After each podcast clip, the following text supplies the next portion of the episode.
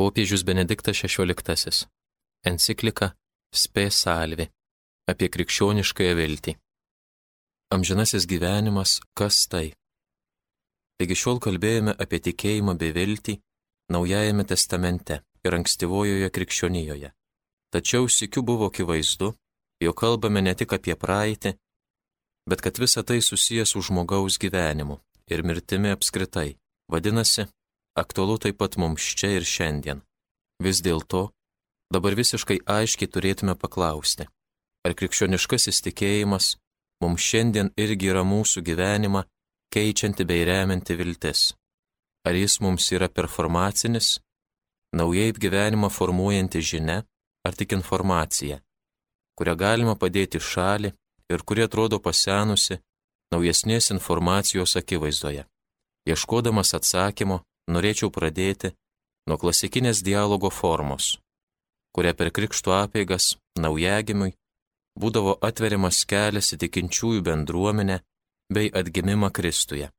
Iš pradžių kunigas pasiteiraudavo, kokį vardą tėvai išrenkia kūdikiui ir toliau klausdavo, ko prašai bažnyčios. Atsakymas - tikėjimo. Ką tikėjimas tau dovanoja? Amžinai gyvenimą. Tokiu dialogu tėvai siekdavo kūdikiu atverti vartus į tikėjimą, nes raktą, atidarant į duris, į amžiną į gyvenimą, matė tikinčiųjų bendruomenėje - tikėjime. To paties per krikštą, tampant krikščionimi, siekiama ir šiandien. Tai ne tik socializacijos bendruomenėje, tiesiog prieimimo į bažnyčią aktas. Tėvai tikisi krikštiemajam didesnių dalykų, kad jam tikėjimas nuo kurio neatsiema bažnyčia ir jos sakramentai, dovanos gyvenimą, amžinai gyvenimą. Tikėjimas yra vilties substancija. Bet dabar iškyla klausimas, o ar to trokštame, ar trokštame amžinai gyventi? Galbūt daugelis tikėjimą šiandien atmeta tiesiog dėl to, kad jiems amžinojo gyvenimo atrodo neverta siekti. Jie trokšta ne amžinojo, bet dabartinio gyvenimo kuriam tikėjimas amžinuoju gyvenimu veikiau stoja skersai kelio. Gyventi amžinai, be galo, atrodo veikiau prakeiktis negu dovana. Tiesa. Mirti trokštama kiek galima atitolinti. Bet gyventi be pabaigos, tai gali būti nuobodu ir galiausiai nepakeliama. Kaip tik tai, pavyzdžiui, teigia bažnyčios tėvas Ambraziejus, sakydamas kalbą per savo iškeliavusio brolio satyro laidotuves. Mirtis nebuvo prigimties dalis, tačiau tapo prigimtimi. Dievas nebuvo įsteigęs mirties nuo pradžių, bet davė kaip vaistą. Dėl nusižengimo, pasmerktas nepaliaujamam darbui ir nepakeliamam liūdėsiui, žmogaus gyvenimas tapo varganas. Blogybėms turėjo būti padaryta galas, įdant mirtimi būtų atkurta tai, ko trūko gyvenime. Nemirtingumas būtų labiau našta negu dovana, jei nemalonė. Jau anksčiau Ambrazijus buvo sakęs, nėra ko dėl mirties dėjuoti, nes yra žmogaus išganimo priežastis. Kad ir ką šventasis Ambrazijus tai žodžiais norėjo pasakyti, tiesa tai, kad mirties pašalinimas arba jos praktiškai neribotas atitolinimas įstumtų žemę ir pačią žmoniją į nepakeliamą būvį ir neduotų naudos nei pačiam individui. Mūsų laikysenai aiškiai būdingas prieštaravimas, kreipiantis į vidinį mūsų pačios egzistencijos prieštaringumą. Viena vertus, nenorime mirti ir kad mirtume, pirmiausiai nenori tas, kuris mus myli. Bet, kita vertus, trokštame tai be galo egzistuoti, o ir žemė tam sukurta. Tad ko trokštame iš tikrųjų? Toks mūsų laikysenos paradoksalumas verčia kelt dar gilesnį klausimą, kas iš tikrųjų yra gyvenimas ir ką iš tikrųjų reiškia žodis amžinybė. Būna akimirkų, kai staiga pajuntame, štai, štai jis, tikrasis gyvenimas, toksai jis turėtų būti. Tuo tarpu, ką kasdienę kalbą vadiname gyvenimu, iš tikrųjų nėra gyvenimas. Augustinas Probai turtingai našliai romėniai ir trijų konsulų motinai adresuotame ilgame laiške apie maldą yra parašęs. Iš tiesų, ten norime vieno dalyko laimingo gyvenimo. Gyvenimo, kuris yra tiesiog gyvenimas, tiesiog laimė. Galiausiai nieko kitą nemeldžiame. Niekur kitur ir nekeliaujame. Visada rūpi tik šitai. Tačiau Augustinas po to priduria. Geriau pažvelgus, net nežinome, ko iš tiesų ilgimės, ko iš tiesų norime. To nežinome. Net tomis akimirkomis, kai manome, jog prie to prisilečiame, to nepasiekiame. Mes juk nežinome, ko turėtume deramai melstį. Kartoja iš Šventojo Pauliaus žodžius. Žinome tik, kad šitai ne tai. Nežinodami, vis dėlto žinome, jog tai turi egzistuoti. Tad mumise glūdi tam tikras, jei taip galima sakyti, mokytas nežinojimas, rašo jis. Nežinome, ko tikrai norėtume. Šio tikrojo gyvenimo nepažįstame ir kartu suprantame, jog turi egzistuoti kažkas, ko nepažįstame ir kur link esame kreipiami. Manau, jog Augustinas čia labai tiksliai ir išliekamai svariai nusako esminį žmogaus būvį, iš kurio kyla visi jo prieštaravimai bei viltys. Kažkaip trokštame paties gyvenimo, tikrojo, mirties nepaliečiamo gyvenimo, bet kartu nežinome, ko link esame stumiami. Negalime liautis į tai tiesiasi ir kartu žinome, jog visa, ką galime patirti ar įgyvendinti, yra ne tai, ko trokštame. Tas nežinomas dalykas yra tikroji mus genanti viltis. Ir tai, kas nežinoma, kartu yra visos nevilties bei visų pozityvių ar destruktyvių pastangų, autentiško pasaulio, autentiško žmogaus link priežastis. Pasakymų, amžinasis gyvenimas, mėginama tam nežinomam ir kartu žinomam dalykui suteikti vardą.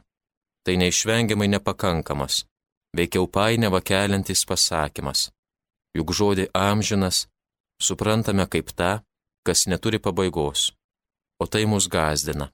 Žodis gyvenimas kreipia mus į pažįstamą gyvenimą, kurį mylime, kurio nenorėtume prarasti ir kuriame kartu yra daugiau vargo negu atgaivos.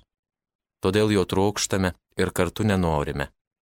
Galime tik mėginti mintimis pabėgti iš laikiškumo, kuriame esame įkalinti, bet įsivaizduoti, jog amžinybė yra ne nepabaigiama, kalendorinių dienų seka, bet savotiška didžiausių išsipildymo akimirka, kai mūsų apriepia visuma, o mes visuma. Tai būtų akimirka, kai panirtume į begalinės meilės vandenyną kur nebebūtų jokio laiko, jokio pirma ir po to. Galime tik įsivaizduoti, kad tokia akimirka yra gyvenimas tikrąją šio žodžio prasme, vis naujas panerimas į būties platybę, būnant tiesiog apimtam džiaugsmo. Jėzus Jono Evangelijoje apie tai šitaip sako, aš jūs vėl pamatysiu. Tada jūsų širdis džiūgaus ir jūsų džiaugsmo niekas iš jūsų nebetims. Šią linkme turime mąstyti norėdami suprasti, į ką taikosi krikščioniškoji viltis, ko laukiame iš tikėjimo ir mūsų gyvenimo su Kristumi. Ar krikščioniškoji viltis individualistinė? Amžių tekmėje krikščionis mėgino šį žinojimą ir kartu nežinojimą pertikti įsivaizduojamais pavydalais ir išplėtojo dangaus įvaizdžius, kurie visada išlieka tolimi nuo to, ką iš tikro žinome tik negatyviai, per nežinojimą. Visi šie mėginimai pavaizduoti viltį daugybė žmonių visais amžiais skatino gyventi tikėjimu. Dėl to atsisakant savo kaip archontą, materialios savo gyvenimo substancijos. Laiško žydams autorius 11 skyriuje apmetė savotišką viltimi gyvenančiųjų bei jų patirties kelionėje istoriją besidriekiančią nuo Abelio iki dabarties. Naujaisiais laikais tokios vilties atžvilgių pasigirdo virš griežtesnė kritika. Ji esanti grynas individualizmas, paliekantis visą pasaulį jo skurdui ir prieglopšio ieškantis tik privačiame amžinajame išganime. Henris Deliubakas savo pamatinio veikalo pratarmėje parinko keletą būdingų šio požiūrio pavyzdžių, iš kurių vieną verta pacituoti. Ar radau džiaugsmą? Ne. radau savo džiaugsmą. Tai visiškai kas kita. Jėzaus džiaugsmas gali būti asmeninis. Jis gali priklausyti vienam žmogui. Ir tada tas žmogus išgelbėtas. Jis ramybėje, dabar ir visados, tačiau vienas. Tokia džiaugsmo vienatvė nerimo nekelia. Priešingai, jis juk išrinktasis. Savo palaimoje jis keliauja per mūšius su rože rankoje. Priešingai, Liubakas remdamasis bažnyčios tėvų teologijos visų platumu, jis tengi parodyti, kad išganimas visada laikytas bendruomenė netikrove. Pačiame laiške žydams kalbam apie miestą. Tai yra apie bendruomeninį išganimą. Atitinkamai nuodėme bažnyčios tėvai suvokia kaip žmonių giminės vienybės sugriovimą, kaip susiskaldimą ir pasidalyjimą. Babelis kalbų supainiojimo ir perskirimo vieta iškyla kaip to, kas iš esmės yra nuodėmė išraiška. Todėl atpirkimas atrodo kaip vienybės atkūrimas, visus vėl jungiantis vieningą visumą, imančią ryškėti tarp pasaulio tikinčiųjų. Mums čia būtina gilintis į visus tekstus, kuriuose aikštė iškyla bendruomeninis vilties pobūdis. Pasilikime prie Augustino laiško probai, kuriame jis mėgina kažkiek apibūdinti tą žinomą ir kartu nežinomą tiesą, kurios ieškome. Išeities taškas jam buvo pasakymas palaimingas gyvenimas. Dabar jis cituoja. Laiminga ta tauta, kurios Dievas yra viešpats. Ir tęsia, kad šiai tautai priklausytume ir kartu su ją pasiektume nesibaigianti gyvenimą su Dievu Įsakymų tikslas yra meilė, iš tyro širdies, geros sąžinės ir nuoširdaus tikėjimo. Šis tikrasis gyvenimas, į kurį vis stengiamės kažkaip tiestis, neatsiejamas nuo gyvenimo kartu su tauta ir kiekvienam individui gali tapti tikrove tik šitame mes. Jis suponuoja išėjimą iš mūsų aš kalėjimo, nes tik šio visuotinio subjekto atvirumas atveria ir mūsų akis kad jos galėtų išvysti džiaugsmo šaltinį - pačią meilę - Dievą. Tokiai bendruomenė orientuota, palaimingo gyvenimo vizija kreipia napus pasaulio, tačiau kaip tik tai dėl to susijusi su šio pasaulio statydinimu labai įvairiais būdais. Neligų istorinis kontekstas ir jo teikiamos ar šalinamos galimybės. Augustino laikais, kai naujų tautų įsiveržimas grasino suardyti pasaulio audinį, iki tol kažkiek garantavusi teisę bei gyvenimą teisinėje bendruomenėje. Norint išgyventi kintančiame pasaulyje, svarbu buvo stiprinti tos gyvenimo bei taikos bendruomenės pagrindus. Meskime žvilgsnį į daugiau ar mažiau atsitiktinai pasirinktą ir kai kuriais atžvilgiais pavyzdinį viduramžių momentą. Visuotiniai sąmoniai, vienuolynai atrodo esą nusišalinimo nuo pasaulio ir pabėgimo nuo pareigų pasaulio atžvilgių į privataus išganimo paieškas vietos. Bernardui Klerviečiui į savo reformuotojo ordino vienuolinus, patraukusiam būrius jaunuolių, atrodė kitaip. Jo akimis, vienuoliams teko užduotis ir bažnyčios, ir pasaulio atžvilgių. Daugybė įvaizdžių jis tengiasi išryškinti vienuolio atsakomybę už bažnyčią ir už visą žmoniją. Jiems jis taikė pseudo Rufino žodžius. Žmonių giminė gyva nedaugeliu. Nes jei jų nebūtų, žlugtų visas pasaulis. Pasak jo, kontempliuojantieji turi tapti žemės darbininkais.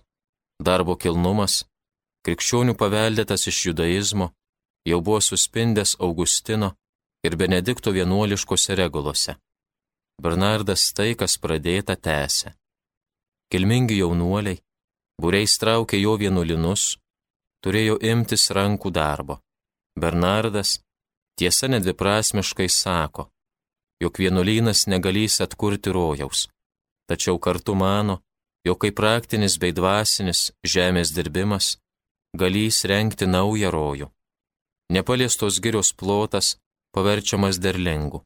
Būtent tada, kertami puikybės medžiai, iš sielų raunamos visokios pikdžolės, ir rengiama dirba, kurioje gali aukti duona kūnui ir sielai.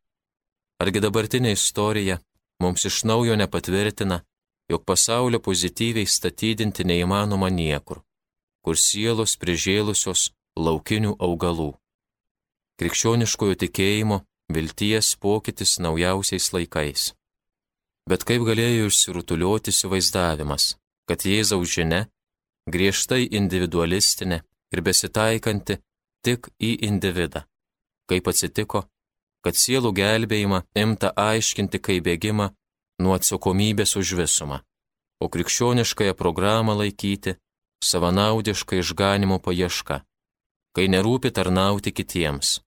Norėdami tai atsakyti, turime mesti žvilgsnį į naujųjų laikų pagrindus. Jie ypač išriškėja, žvelgiant į Francisą Beikoną, kad aušo naujas metas, atradus Ameriką ir pasiekus naujų techninių laimėjimų, dėl kurių tai tapo įmanoma, yra akivaizdu. Bet kuo remiasi ši istorinė pervarta? Naujų eksperimento ir metodo santykių, įgalinančių žmogų aiškinti gamtą, pasitelkiant jos dėsnius. Ir per tai pagaliau pasiekti meno pergalę prieš gamtą. Beikono požiūriu, nauja yra naujas mokslo ir praktikos santykis. Tai dabar pritaikoma ir teologijos lygmenių. Šis naujas mokslo ir praktikos santykis reiškęs, kad žmogui Dievo duota ir per pirmąją nuodėmę prarasta valdžia kūrinijai būsite atkurta. Atidžiai skaitant, bei apmastančias ištaras, aikštin iškyla nerima keliantis žingsnis - atkūrimo to, ką žmogus prarado išvarytas iš rojaus. Iki šiol laukta ištikėjimu Jėzų Kristų ir tai laikyta atpirkimu.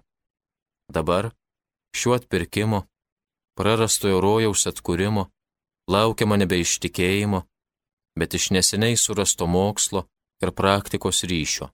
Tikėjimas tiesiog net neneigiamas, bet perkeliamas į kitą plotmę, vien to, kas privatu ir anapus pasaulio plotmę. Ir sėkiu, padaromas kažkaip pasauliu nebesvarbus. Tokia programinė vizija nulėmė naujųjų laikų kelią ir vis dar tebelėme šiandienę tikėjimo krizę, kuri iš esmės yra krikščioniškosios vilties krizė. Pagal Beikono samprotavimus, viltis įgyja naują pavydalą. Dabar jos vardas - tikėjimas pažanga.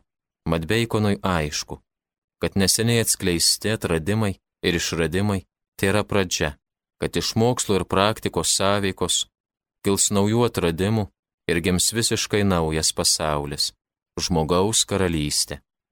Tad jis pateikė lauktinų išradimų, net lėktuvo bei povandeninio laivo viziją.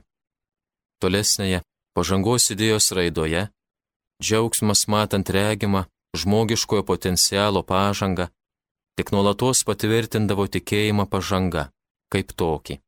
Sikiu, į pažangos idėjos šerdį kelią vis labiau prasiskina dvi kategorijos - protas ir laisvė. Pažanga pirmiausia yra didėjanti proto valdžia, o tas protas, savaime suprantama, laikomos gėrio gale gėrio labui. Pažanga yra visų pančiojančių saitų veikimas žengimas tobulos laisvės link. Pati laisvė taip pat laikoma grinų pažadu. Žmogui vis visapusiškiau save įgyvendinant.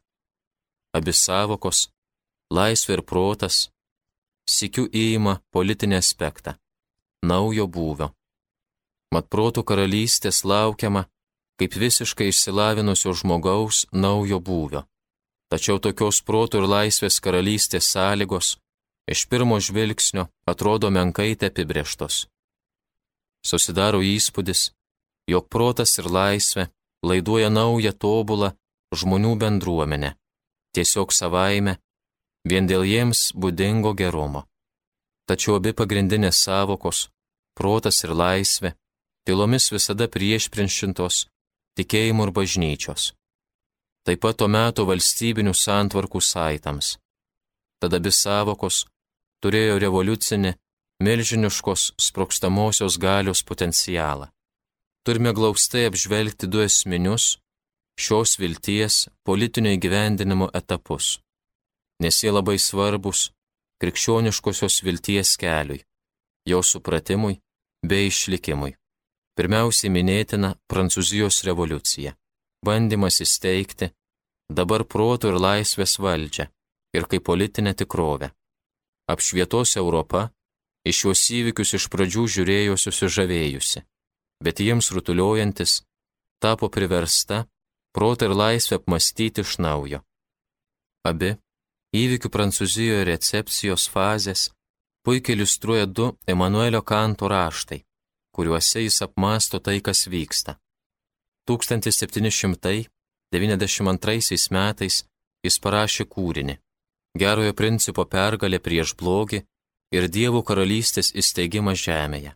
Jame sako, laipsniškas bažnytinio tikėjimo vertimas grynoje religinio tikėjimo vienvaldyste yra Dievo karalystės artinimasis. Jis mums taip pat pareiškia, kad revoliucijos gali paspartinti pereimą nuo bažnytinio tikėjimo prie racionalaus tikėjimo. Dievo karalystė, apie kurią kalbėjo Jėzus, čia apibrėžiama naujai ir ateina kitaip. Randasi, taip sakant, naujas, greito teimo laukimas. Dievo karalystė ateina ten, kur bažnytinis tikėjimas nugalimas ir pakeičiamas religiniu tikėjimu. Tai yra paprastu, racionaliu tikėjimu. 1795 m. rašinyje apie visų dalykų pabaigą vaizdas jau kitoks. Dabar Kantas greta natūralios svarsto nenatūralios, blogos dalykų pabaigos galimybę. Jis rašo, jei krikščionybė vieną dieną liautųsi buvusi verta meilės, tai tada žmogaus mąstysenoje jos atžvilgių įsivyrautų antipatija ir atmetimas. Ir antikristas pradėtų savo, kad ir trumpą valdžią, veikiausiai paremta baime ir savo naudiškumu. Bet tada, dėl to, kad likimas neleido krikščionybei tapti visuotinę pasaulio religiją, nors jai skirta buvo tokiai būti, visus dalykus moralinių atžvilgių ištiks bloga pabaiga. XIX amžiuje tikėjimo pažanga, kaip naujo žmogaus vilties pavydalo, tvirtai laikytasi, o į protą ir laisvę žvelgta kaip į žvaigždės, paskui kurias šiame vilties kelyje būtina sekti. Bet vis didesnė techninės plėtros sparta ir su tai susijusi industrializacija sukūrė visiškai naują visuomeninę situaciją. Atsiranda pramonės darbininkų klasė ir pramonės proletariatas, kurio baises gyvenimo sąlygas 1845 metais sukrečiamai pavaizdavo Friedrichas Engelsas. Skaitytojai turėjo pasidaryti aišku, šitai negali tęstis. Būtinos permainos. Tačiau permainos sudrebins ir sugriaus visą buržuazinės visuomenės struktūrą. Po 1789 metų buržuazinės revoliucijos atėjo laikas naujai, proletariniai revoliucijai. Pažanga negalėjo rutuliotis tiesiog mažai žingsneliais, tolydžiai prireikė revoliucinio šuolio. Į tos valandos kvietimą atsiliepė Karlas Marksas ir savo kalbinėmis bei intelektinėmis išgalėmis pamėgino išjudinti istoriją šiam naujam, dideliam jo manimu, galutiniam žingsniui išganimo link. To, ką Kantas pavadino Dievo karalystės link. Tiesa apie napusius sklaidžius, dabar atėjo laikas teikti tiesą apie šiapus. Dangaus kritika virsta žemės kritika, teologijos kritika, politikos kritika. Pažanga link to, kas geriau, galutinai gero pasaulio link, dabar kyla nebe iš mokslo, bet iš politikos. Iš moksliškai apmastytos politikos, pažįstančios istorijos bei visuomenės struktūrą ir todėl parodančios kelią į revoliuciją, visų dalykų pervartą.